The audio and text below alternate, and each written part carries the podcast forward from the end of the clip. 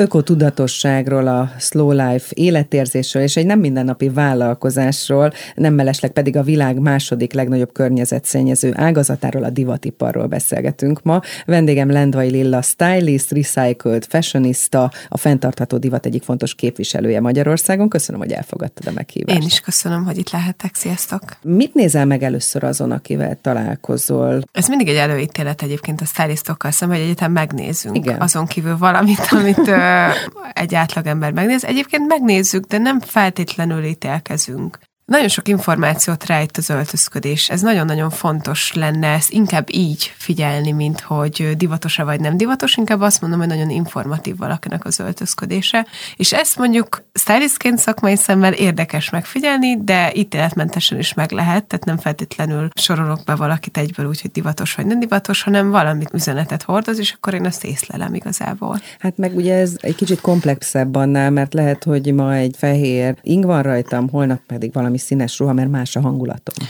Igen, de bizonyos apróságok, meg egy csomó olyan apró maga formákba, hogy mondjuk ki milyen szabású dolgokat hord, már nagyon sok minden már információt lehet összegyűjteni, tehát nem is feltétlenül maga a darabok szemlélete. A másik nagyon jó szemlélet, hogy egészben mi a benyomás, de nagyon-nagyon fontos, hogy a stylistokkal szemben van egy nagyon nagy előítélet, és szeretném eloszlatni ezúton, hogy nincsen ítélet tehát nem, nem úgy működik, hogy minősítünk bárkit is, és hanem nem ez... szkennelsz egyből valakit, nem, és nem, szóval nem mondom, neki hogy jobban állna Hát vagy egyáltalán az. például nagyon sokan azt gondolják, hogy ilyen márka szkennelés, tehát hogy így nincs, nincs ez egyáltalán nem létezik.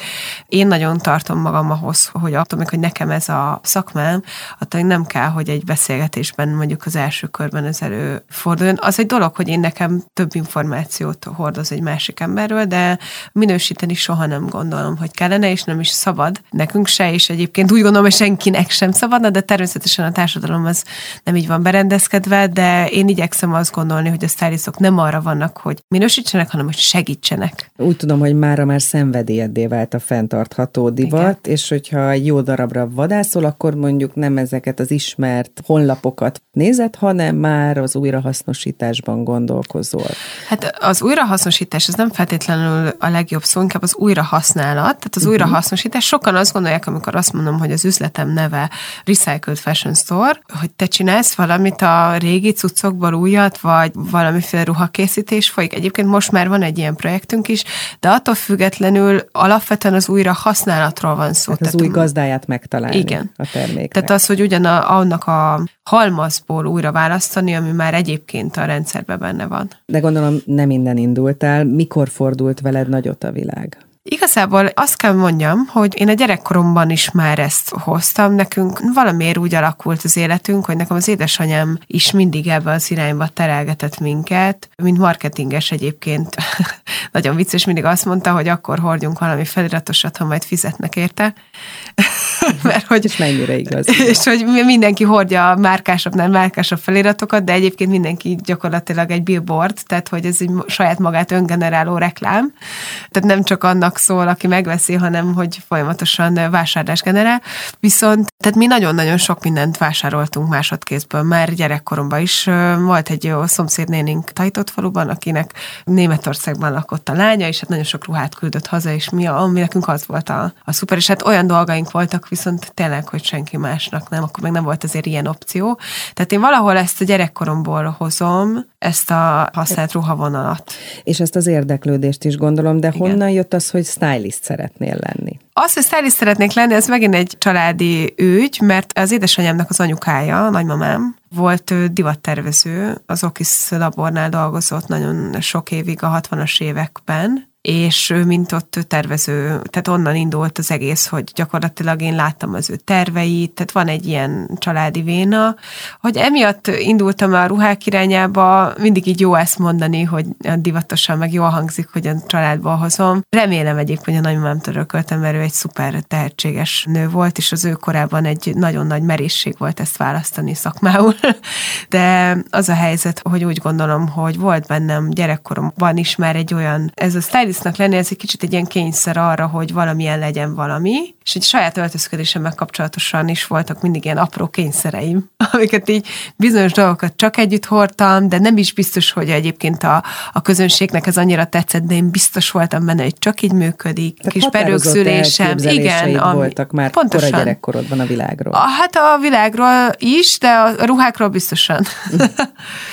És akkor egyből ebbe az irányba indult el, vagy azért más szakma iránt is kacsingattál? Én úgy tudom, hogy közgazdásznak is készültél. Hát vagy akkoriban divatos volt közgazdásznak készülni, mert akkor ez egy ilyen biztos jövőt hozott az élethez, és ezért a szülők azok ezt próbálták a gyerekeken átverni.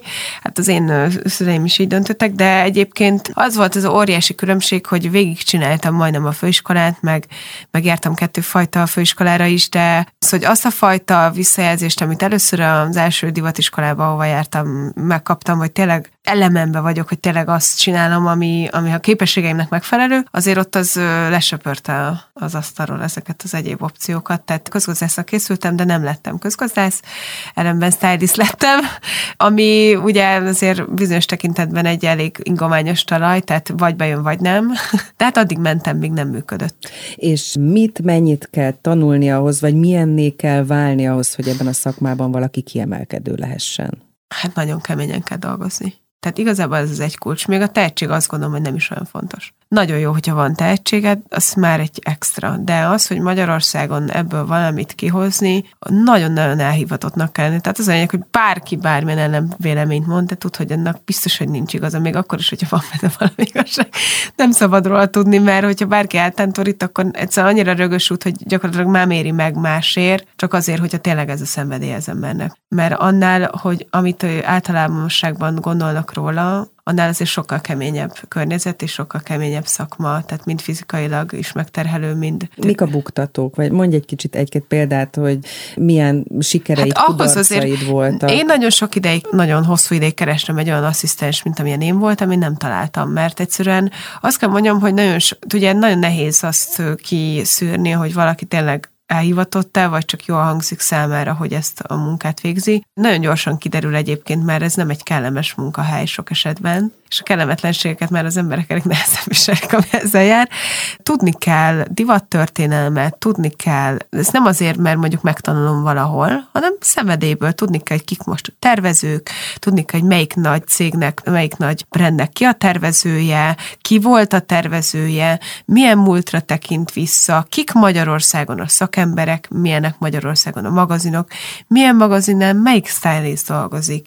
Tehát én ezeket mind tudtam, és azért, mert érdekelt mert ezt tudni kell ahhoz, hogy, hogy az ember képbe legyen, hogy, hogy pontosan mivel is eszemben, és azt kell mondjam, hogy a jelentkezők és a tanulók nagy többsége, akivel találkoztam az életem során, tanítottam hosszú ideig, fogalmuk se volt ezekről a kérdésekről, és én azt gondolom, hogy ez az alap ahhoz, hogy egy belépés legyen, hogy az ember képbe legyen olyan divattörténeti dolgok, hogy stylingba milyen divattörténeti korszakokból áll össze egy öltözék, tehát hogy, hogy egy divatanyag az hogy áll össze, az is különböző korszakokból, hangulatokból, tehát külön a sminknek, a hajnak, a ruhának is négy-ötféle minimum háttere lehet. Tehát ezeket, ezeket tudni kell. Nincs a peláta. Tehát, hogy aki nem tudja, az nem nagyon tud versenyképes lenni, szerintem. Sok éven keresztül stylistként dolgoztál. Mi, milyen terület területeken milyen tapasztalatokat szereztél? Nagyon-nagyon lelkesen jöttem ebbe a világba, én azt gondoltam természetesen, hogy mindenki más, hogy ezt majd megváltjuk, meg majd felújítjuk, meg majd nyugat-európanizáljuk.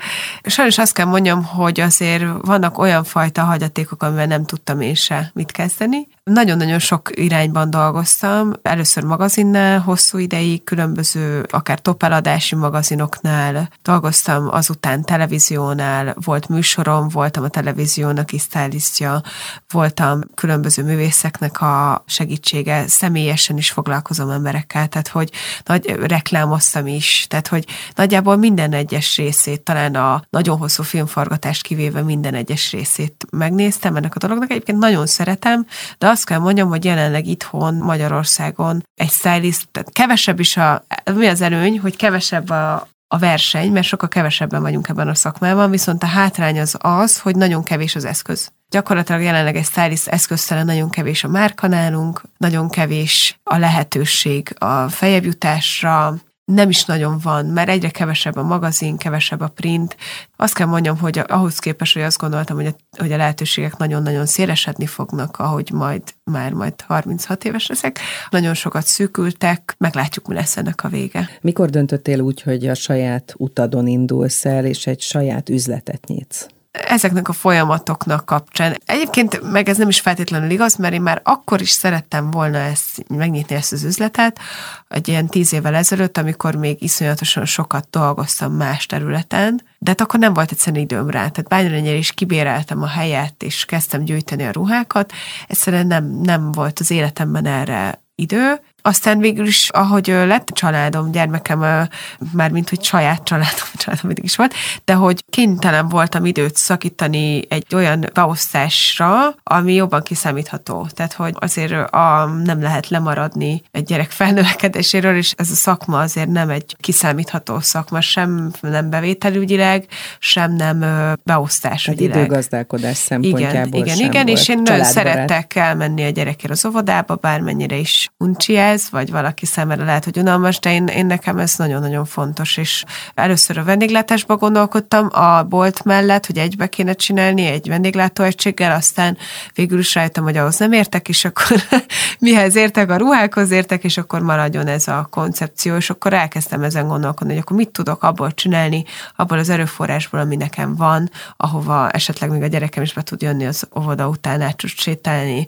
és ráadásul számára is, és a világ számára is értékteremtő, ez nagyon-nagyon fontos volt az én számomra, hogy az a szenvedély benne legyen, ami, ami a stylingban benne volt idáig, de aztán egy ponton mindig az eladásról szól a styling is, és ez egy kicsit frusztráló volt az én számomra, hogy nem erre fele megy a világ, de még mindig abba vagyunk, hogy vedd meg ezt, vedd meg azt, és akkor ez meg az lesz veled. Mindig ez a valahol a nap végén a, az üzenet, és én ezt nem szerettem volna tovább folytatni. Én azt gondolom, hogy venni nem fognak kevesebbet az emberek, ezért azt kell megváltoztatni azt a környezetet, ami bevásárolnak, és lehet egy olyan környezetet teremteni fenntarthatóan, amiben tudnak úgy vásárolni, hogy ne legyen annyira nem káros, hanem hogy kevesebb legyen a lábnyoma a fenntarthatóság felé. Igen, hát ökológiai Igen. lábnyomról mindenképpen érdemes beszélni, mert onnan indultunk, hogy a világ második legnagyobb környezetszennyező ágazata a divativar, legalábbis ezt halljuk róla. Igen. Ez ellen lehet tenni. Ez egy útja, módja annak, hát, amivel lehet is tenni. Kérdés. Nem biztos, hogy lehet tenni, mert a nagy többség az nem még mindig nagyon szeret újat vásárolni. Ugye nálunk a, a magyar társadalom az nagyon így van berendezkedve, hogy az valami státusz, ha újat tudsz mindenből venni. Olyan társadalmakban, amik nem feltétlenül a jólétre alapulnak, ez egy teljesen jellemző dolog. Tehát hát itt a fast fashionről beszélünk. Ö, mindenre vonatkozólag. Mindenre. Tehát az is státusz, hogy mindenből tudok újat venni. Ez ciki nagyon sok ember számára még a mai napig a társadalom számára kellemetlen használt dolgot venni, mert hogy az azt bizonyítja, hogy neki nincs pénze újra. Ha már itt a gazdasági rádióban vagyunk, akkor erről is lehet Igen, beszélni. kíváncsi is vagyok ennek a gazdasági vonatkozására, mert hogy egyáltalán nem egyértelmű az, hogyha valami second hand, az olcsó is. Alapvetően az sem feltétlen, meg az sem, hogy, hogy mondjuk az egy olyan hangulata is van, mint egy használt ruhának, vagy használt cipőnek, vagy használt bárminek.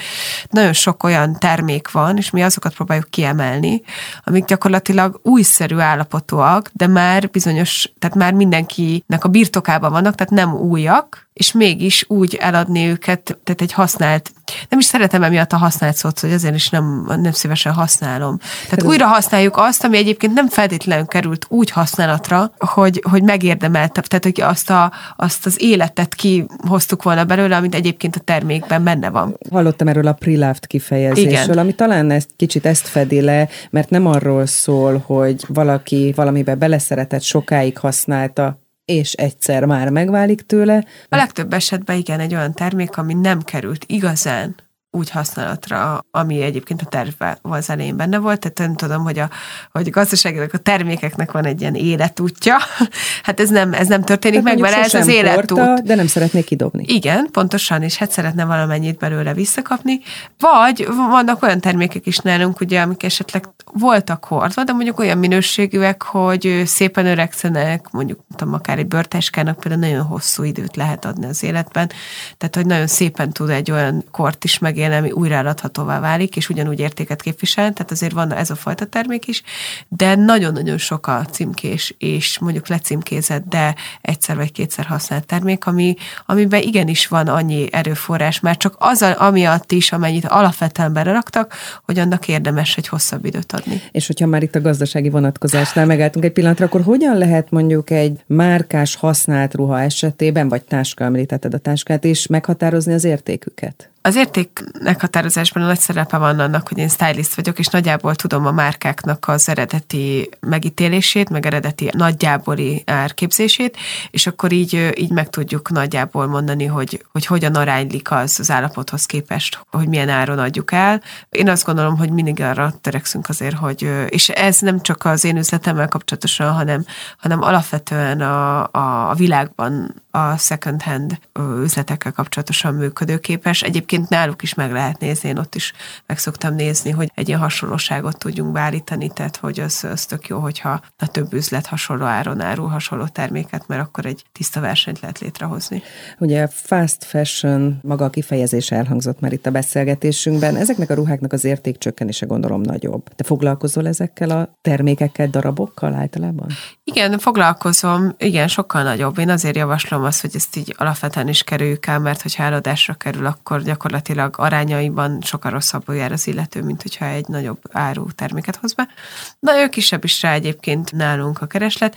Az a helyzet, hogy a fast fashion azért foglalkozom, mert kell lenni alternatívának, akár kell lenni alternatívának egy olyan embernek, aki esetleg tényleg ezt tudja magának megengedni. Tehát ez fontos az, hogy a, hogy a jó minőségű second hand az nem csak azoknak szóljon, akik, akik ki tudják fizetni nagyobb márkák darabjait, hanem a jó minőségű second hand az is hozzátartozik, és nálunk ugye egy körforgásos gazdaságban van, tehát a nagy turkáló cégeknél nem feltétlenül fenntartható vásárolni, és náluk lehet azért nagyon sok fast fashion kapni. Ezért gondolom azt, hogy kell alternatíva, mert az, hogy hajóval, kilóba idehozzák a nagy bálákba a ruhákat, az nem feltétlenül fenntartható. A saját magunk által vásárolt körből újra kihúzni egy darabot sokkal fenntarthatóbb. Ezért én azt gondolom, hogy minden árban kell tartanunk darabokat, és minden kategóriában. És ez nagyon jó, hogy mondtad, mert azt gondolom, hogy sokunkban, sokakban az a kép, kép él, hogy a fenntartható, de nem is a fenntartható, hanem az újra hasznosított, a second hand ruha az, amikor a kupacból kihúzom. Igen, sajnos. És ez a kép jelenik meg az ember szem előtt, ami azt gondolom, hogy a vadászat pillanatnyi élményén túl többet nem mondod. ad. Abszolút. Tehát az a helyzet, hogy bármikor is jártam ilyen helyen, én mindig azt láttam, hogy igazából ott nincs kontroll. Pont az olcsóság miatt egyébként, az igazán nagyon olcsóság miatt, és ebből a szempontból nem válik le a fast fashionről, mert ugyanúgy az van, hogy szerezünk, szerezünk, szerezünk, gyakorlatilag nyakló nélkül, mert még az még olcsóbb is, és ha olcsó, akkor belőle tizet kell venni.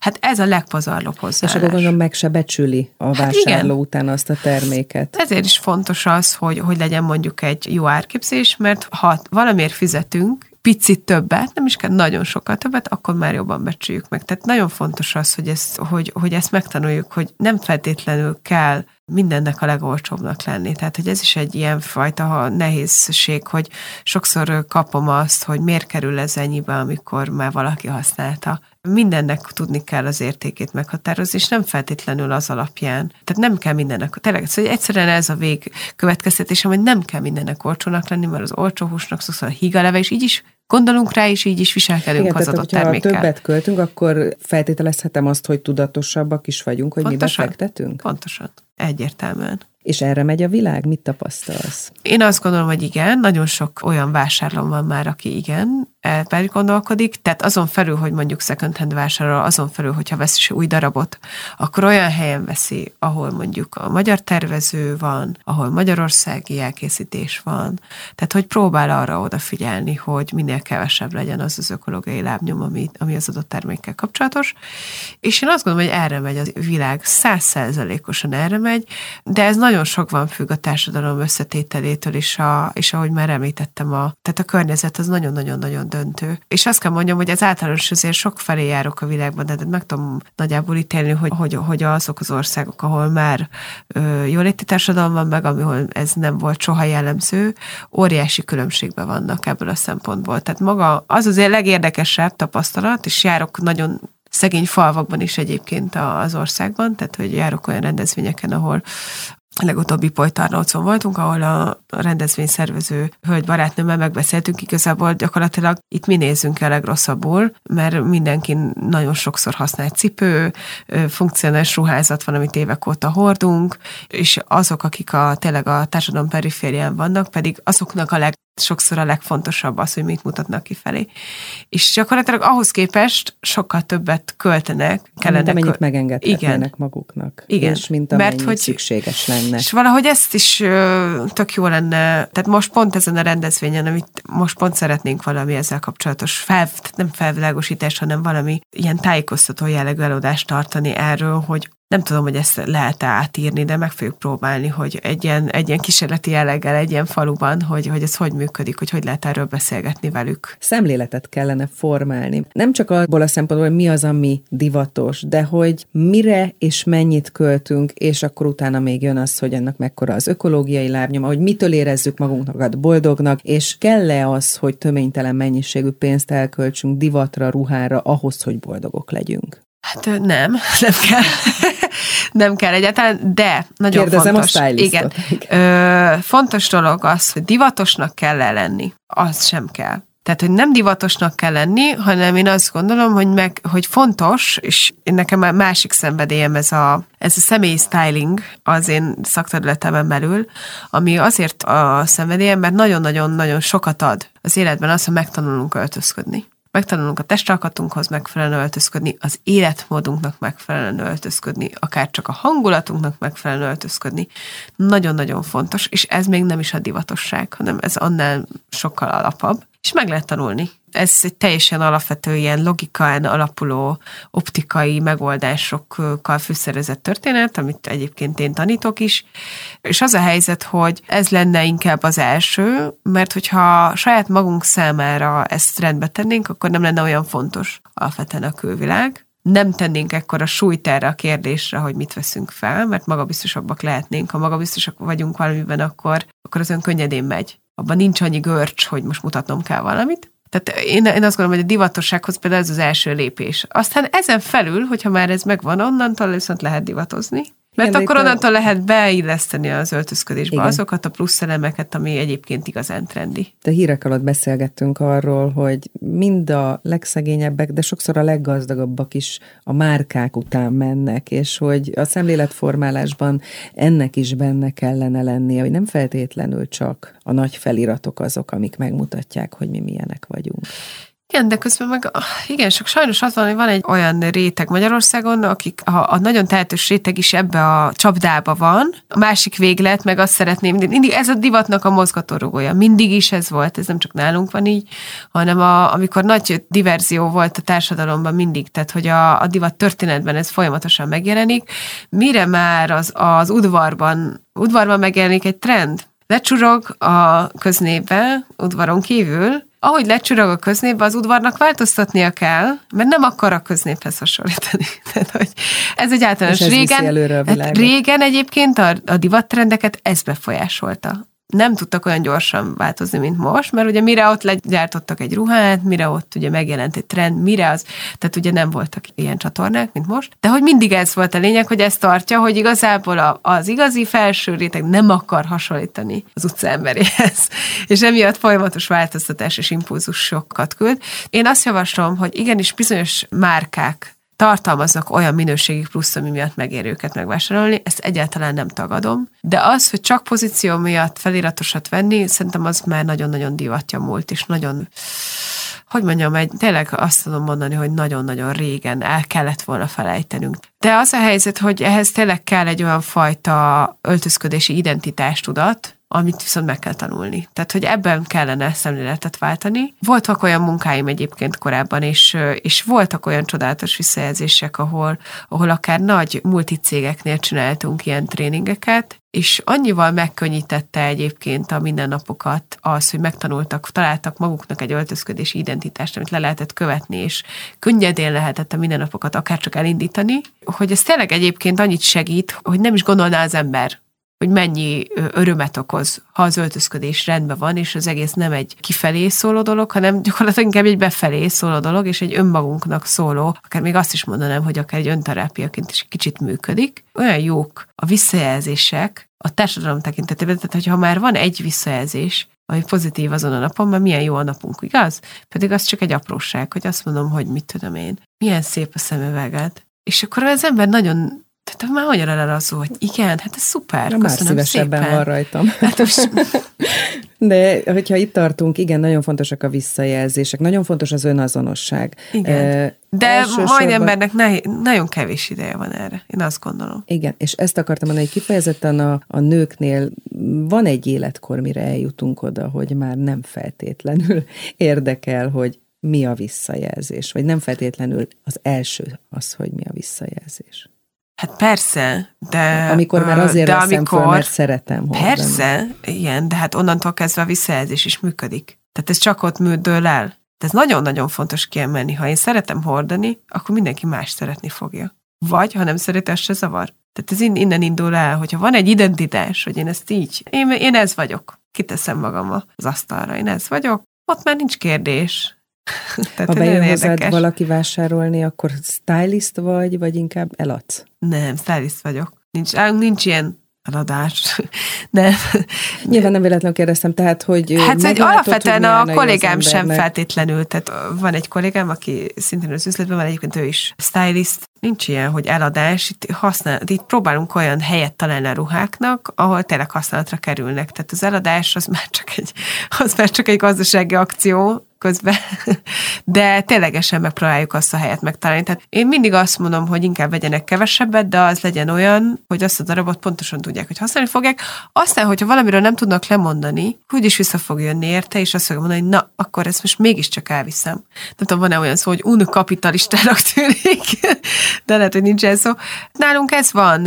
Attól függetlenül meg az emberek nagyon szeretik ezt. Tehát szerintem most van egy olyan réteg, akinek elege van abból, hogy minden reklám tukmá normál, ezt meg az legyen. Tehát most ez az embereknek sokszor egy felüdülés. Mire esküszöl inkább, ha már itt tartunk az igények kiszolgálására, vagy az iránymutatásra? Is is, szerintem ezt lehet összehangolni. Nagyon-nagyon fontos az, hogy irányt mutassunk, főleg Kelet-Európában nagyon fontos az, hogy pont emiatt a sok felirat, meg a pozíció próbálják összefüggésbe hozni. Mi igyekszünk abban, hogy, hogy megtaláljuk ezt a kettőt, hogy, hogy meg is találjuk azokat az emberek, akik szívesen vásárolnának, és mit vennének szívesen, de igenis legyen benne egy olyan üzenet, hogy így is lehet felvenni, úgy is lehet felvenni, így is hordható, úgy is hordható, tehát próbálunk ebből a szempontból összehozni a kettőt, mert a nap végén mi is ugye a bevételből kell, hogy kifizessünk mindent, ezért az is nem lehet azt mondani, hogy ez egy non-profit vállalkozás, mert nem az. Termelni kell, mai napig minden fontos, bármennyire is a slow fashionbe hiszünk, termelni fontos. Sokszor találkozunk azzal az attitűddel, hogy ami fenntartható, az nem feltétlenül elég trendi, vagy nem feltétlenül elég cool, szóval meg kell alkudnunk, és le kell mondanunk valamiről azért, hogy fenntarthatóan működjünk, vásároljunk. Tapasztalod-e ezt a szemléletet? Persze, természetesen igen. Tehát, hogy ez abszolút, ezt sokan kérdezik is tőlem ugyanígy, hogy miért is van ez, hogy a, a fenntarthatóság sokak számára, főleg azt nagyon szeretik használni, ez a zero waste életmód, hogy ez mennyire jó ez az életmód. De hogy jó az waste életmód, a szörnyű. Az annyi munkával jár, meg annyi utána járással jár, hát zero waste, hát nem, nem folyamatos stressz, hogy mit rontok el. Ú, most mégiscsak kifújtam a szóromat zsebkendőbe, csű, lesz velem? Hát ez egy oltári para, nem lehet így élni. Tehát nem az a lényeg, hogy zero waste legyen. A fenntarthatóság nem a zero waste életmód egyébként, hanem az, hogy valaki valamiről le tud mondani, valamiről meg nem tud lemondani. Minél több mindenről persze le tudunk mondani, annál jobb, de hogyha tudunk jó alternatívát találni, az még jobb. Nem lemondani kell, hanem jó, fenntartható alternatívákat kell találni. Nem lehet egy világot megváltoztatni egy nap alatt, hogy akkor most innentől kezdve senki ne vegyen semmit, soha többet ne legyen bevásárlóközpont. Innentől kezdve akkor nem veszünk ananászt, nem veszünk banánt gyakorlatilag, mert itt semmelyik sem. Érkezik, hát persze, hát semmi nem fenntartható gyakorlatilag a világban, nem úgy van kitalálva, hogy fenntartható legyen. Azt kell megtalálni, mik az alternatívák. Hogyha a second handről beszélünk még egy kicsit, illetve arról, hogy az elmúlt másfél-két év a pandémia idején nagyon sok területet érintett. Hogyha főbb gondolataimat mondom ezzel kapcsolatban, elfordulhatunk esetleg a mások által hordott ruhától azért, mert fertőz vagy rávilágított inkább arra, hogy kevesebbet költsünk. Tehát, hogy te mit tapasztaltál, és a legfontosabb, ami, ami még így felmerül, az online világ hogy minden az online világ által mégiscsak közelebb került hozzánk. Tehát te ezek közül melyikkel találkoztál? Az online világ az abszolút, tehát nálunk a nagyon jó offline forgalom volt, az nagy részt teljesen átalakult online forgalommá. Még mai napig sokkal, most azért visszaállt valamennyire a rend, de mi is most már a nyitvatartásra abszolút azt jelezzük, hogy már online dolgozunk többet sokkal, mint offline. Ezt tapasztalom, hogy a, hogy a webshop azért sokkal népszerűbb. Viszont nagyon fontos, hogy szerintem nem feltétlenül költöttek kevesebbet az emberek, mert online viszont nagyon sokan költöttek. Nagyon sokan szerintem pótcselekvésként vásároltak. Alapvetően a maszkok folyamatos használata az szerintem egy gyilkos dolog volt a világgal kapcsolatosan nagyon sok szemét. Tehát annyira másodlagossá vált így az, hogy odafigyeljünk mondjuk a műanyagokra, hogy simán újra használtunk műanyagokat, vagyis én nem, de én azt láttam a környezetemben, vagy akár most így említetted még mielőtt beültünk ide, hogy sokaknak van igénye erre, félnek. Hát, hogy inkább a palackos Igen, a palackos kéri, vizet, mert hogy az biztos, hogy nincs igen. rajta vírus. Én úgy gondolom, hogy para a vírus, tehát természetesen nagyon sok ember meghalt vírusban, ennek van kettő darab látótere, az, hogy, hogy én azt gondolom, hogy az emberek igen online világba mentek, kettő pedig azért én úgy gondolom, hogy biztos jót tett a világnak hogy kevesebbet repültek. Hát vannak ennek előnyei, meg hátrányai, de gyakorlatilag én úgy gondolom, hogy nem ezzel, ezen múlik az, hogy mondjuk egy vírust el lehet-e kapni, vagy nem. Szóval, hogy, Viszont, hogy... hogyha jól értem a szavaidból, gazdaságilag nem okozott problémát az, hogy a pandémia alatt hogyan jutnak hozzá el a vásárlók, vagy hogyan költenek. Volt változás, de, de az online valamilyen formán visszahozta. Hogyha én nagyon szigorú akarok lenni, akkor az elején ugye, ahogy tényleg csak a hírekre figyeltek az emberek, gyakorlatilag minden megállt, tehát minden vállalkozó ismerősömnek a vállalkozásra két-három hétig teljesen szentbájon volt, tehát az emberek egy ideig nem, ameddig nem tudtak valamit erről a vírusról, addig szerintem teljesen megálltak mindenfajta költökezéssel.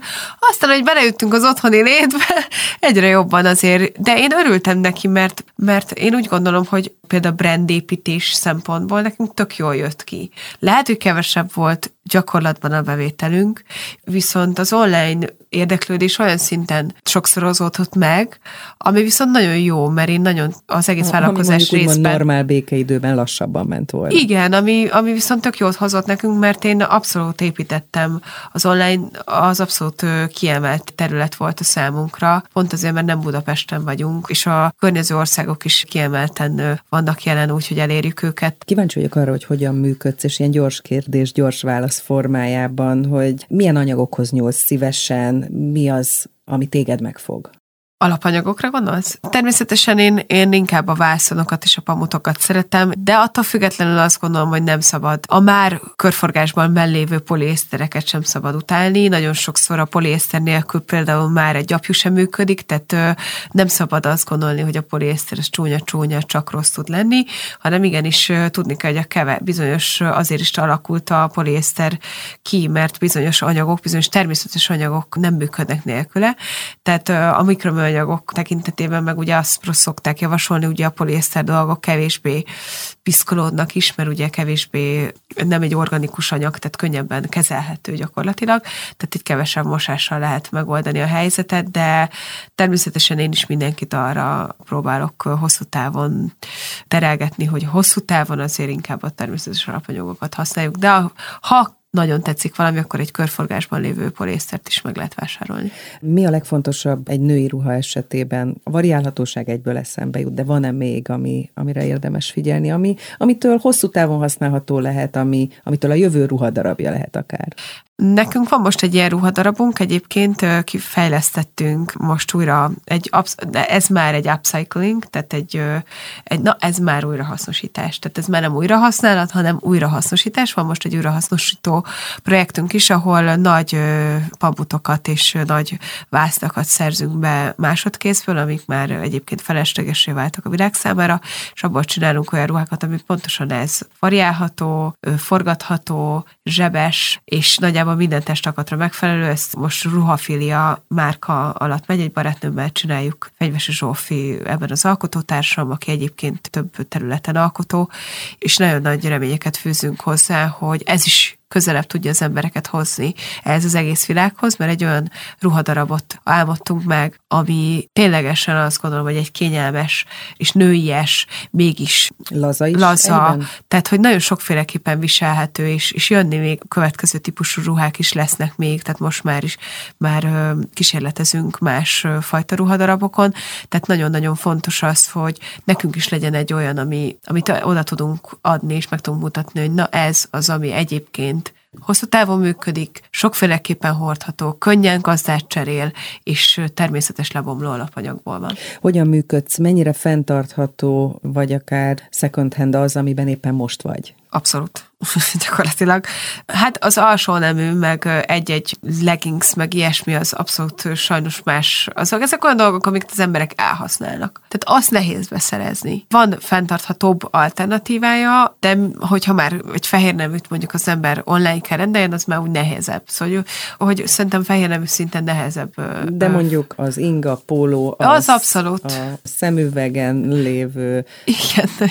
Abszolút a legtöbb, a, nekem a ruháim 90%-a úgy meg tudom határozni, mind. És vagy az üzletből való, vagy valamelyik barátnőmtől vettem át, vagy, vagy csak simán szoktak ilyet csinálni, hogy jó, hát ez pont neked való, ezt neked adom. És akkor ezeket szeretem a legjobban, mert még, hogyha nem is annyira nekem való, annyira jó fej valamelyik barátnőm, hogy nekem adja, hogy akkor kénytelen vagyok kihívás beépíteni a, az öltözködésembe, tehát hogy, hogy van bizonyos barátaim, akikkel abszolút szoktunk a, egy ruhákat cserélni, vagy megunt ruhákat, tudja, hogy melyiket szeretem, és akkor egy ponton megunja, akkor odaadja, és akkor vagy megveszem tőle. Szóval, hogy, hogy, hogy én nagyon-nagyon figyelek. Én nemzetközi oldalakon is vásárolok, tehát gyakorlatilag mondtam, hogy a gyerek iskolatáskáját, ami nem iskola, nem iskolás, de hogy, hogy akár a, a gyerek hátizsákját is, is be tudtam szerezni second hand egy nemzetközi oldalon, tehát nagyjából már mindent meg lehet találni az interneten, ugyanúgy, hogy minket is meg lehet találni, úgy másokat is meg lehet találni. Csak érteni kell hozzá.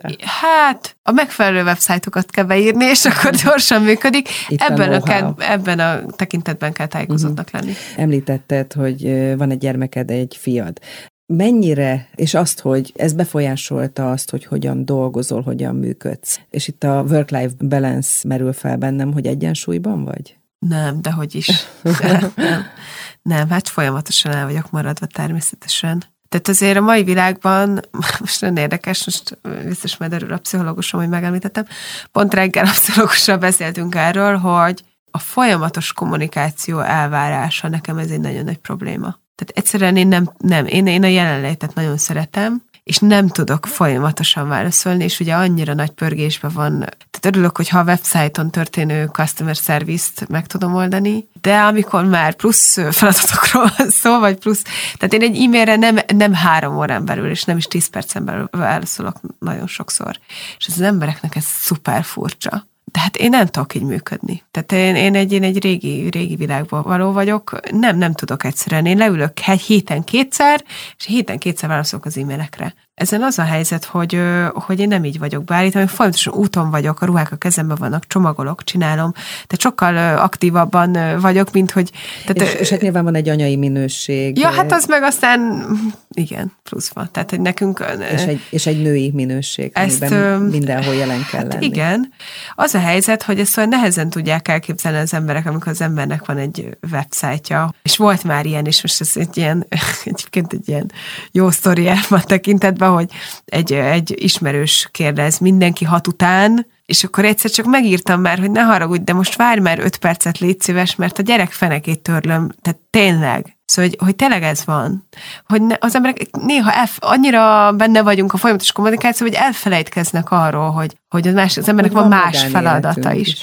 Igen, és egyébként én próbálom tartani, hogy pont ezért is van a vállalkozás, de azért, azért nehéz összefolyik. Tehát, de nálunk például abszolút nincs televízió otthon, meg próbálunk minél képernyőmentesebbek lenni, mondom én, aki alapvetően képernyő előtt dolgozom, sok esetben, ugye akár a, mert ugye én csinálom a webshopra a képek szerkesztését, az összes feltöltést, az Instagram feltöltéseket. Ami hogy, egyébként rengeteg időt vesz. Igen, minden. igen, szóval, hogy nehéz így elmondani mondjuk a gyereknek, hogy ő miért nem nézze, hogyha én ugye folyamatosan ezt csinálom. Hát nálunk ez külön van, tehát sokszor megmutatom neki, hogy mit csinálok, és be lehet vonni, hogy nézz, mit tudom, most világosítást nyáron, ugye, amikor akkor mondjuk nincs óvoda, hogy meg, simán megnézi egy képszerkesztés, és egyébként egy gyereknek ez ilyen érdekes is lehet, és akkor egy beszéltém arról, hogy nekem mi a munkám. Tehát, hogy egyébként szerintem mindent meg lehet oldani, és egy gyereknek gyakorlatilag tök érdekes, hogy mit csinál a szülője, és hogyha elmondja az ember, vagy nyitott arra, hogy kommunikáljon, akkor, akkor szerintem működik a kettő. Mi sokat szoktunk utazni is, és utazás közben is egy per egy vagyunk sokszor a gyerekkel, és hát azt kell, hogy mondjam, hogy megszokják, és nem feltétlen baj. Én mindig azon gondolkodom, hogy szegény szegény gyerek mindig dolgozik az anyukája, és neki kicsit tolerálni kell ezt. Ugye az online munka azért az sokszor félbeszakít egy-egy dolgot. Aztán rájövök, hogy nem feltétlenül baj ez, mert azt viszont látja, hogy van érdemes valamit csinálni, hogy én ezt szenvedéllyel csinálom, hogy ennek van pátosza, van üzenete, és ez viszont tök jó tanítás szerintem, hogyha csinálunk valamit, akkor talán így érdemes csinálni. Egy utolsó kérdés válasz. Mi az, amit a munkáddal, a brandeddel üzenni szeretnél az embereknek? Jaj, nagyon-nagyon nehéz erre válaszolni.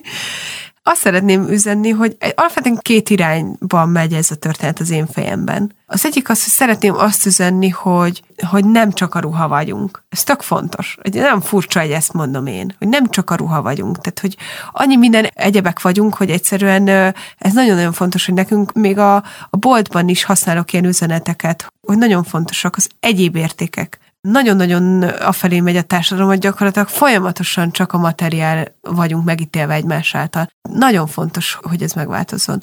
A másik irány pedig az, hogy tényleg az öltözködés egy játék. És nem szabad annyira komolyan venni, hogy mennyire komolyan vesszük. Szóval, hogy nincs elrontva egy nap attól, hogy, hogy nem sikerült olyan jól, vagy nem kell azon ennyit örlődni, hanem tényleg valahogy egy felnőtt játéknak kell felfogni, és ebbe például a second nagyon jól beilleszkednik, mert annál játékosabb dolog, mint, mint ráhagyatkozni arra, hogy a véletlenszerűen találjunk magunknak ruhát egy nem konfekció sorozatból, hanem tényleg egy-egy darabból, ugye mindenben nálunk egy darab van, így megtalálni az adott ruhákat, ahhoz tényleg lehet, hogy türelem is, de játékosság biztos, hogy kell. És amiről korábban beszéltünk, a vadászat öröme is benne. Abszolút, igen. köszönöm a beszélgetést. Én is köszönöm. Lendvai Lilla stylist, recycled fashionista volt ma a vendégem, és persze legközelebb ismét egy nő lesz a vendégem, akivel érdemes lesz beszélgetni, illetve akitől érdemes lesz valamit megtanulni. Kutasi Juditot hallották.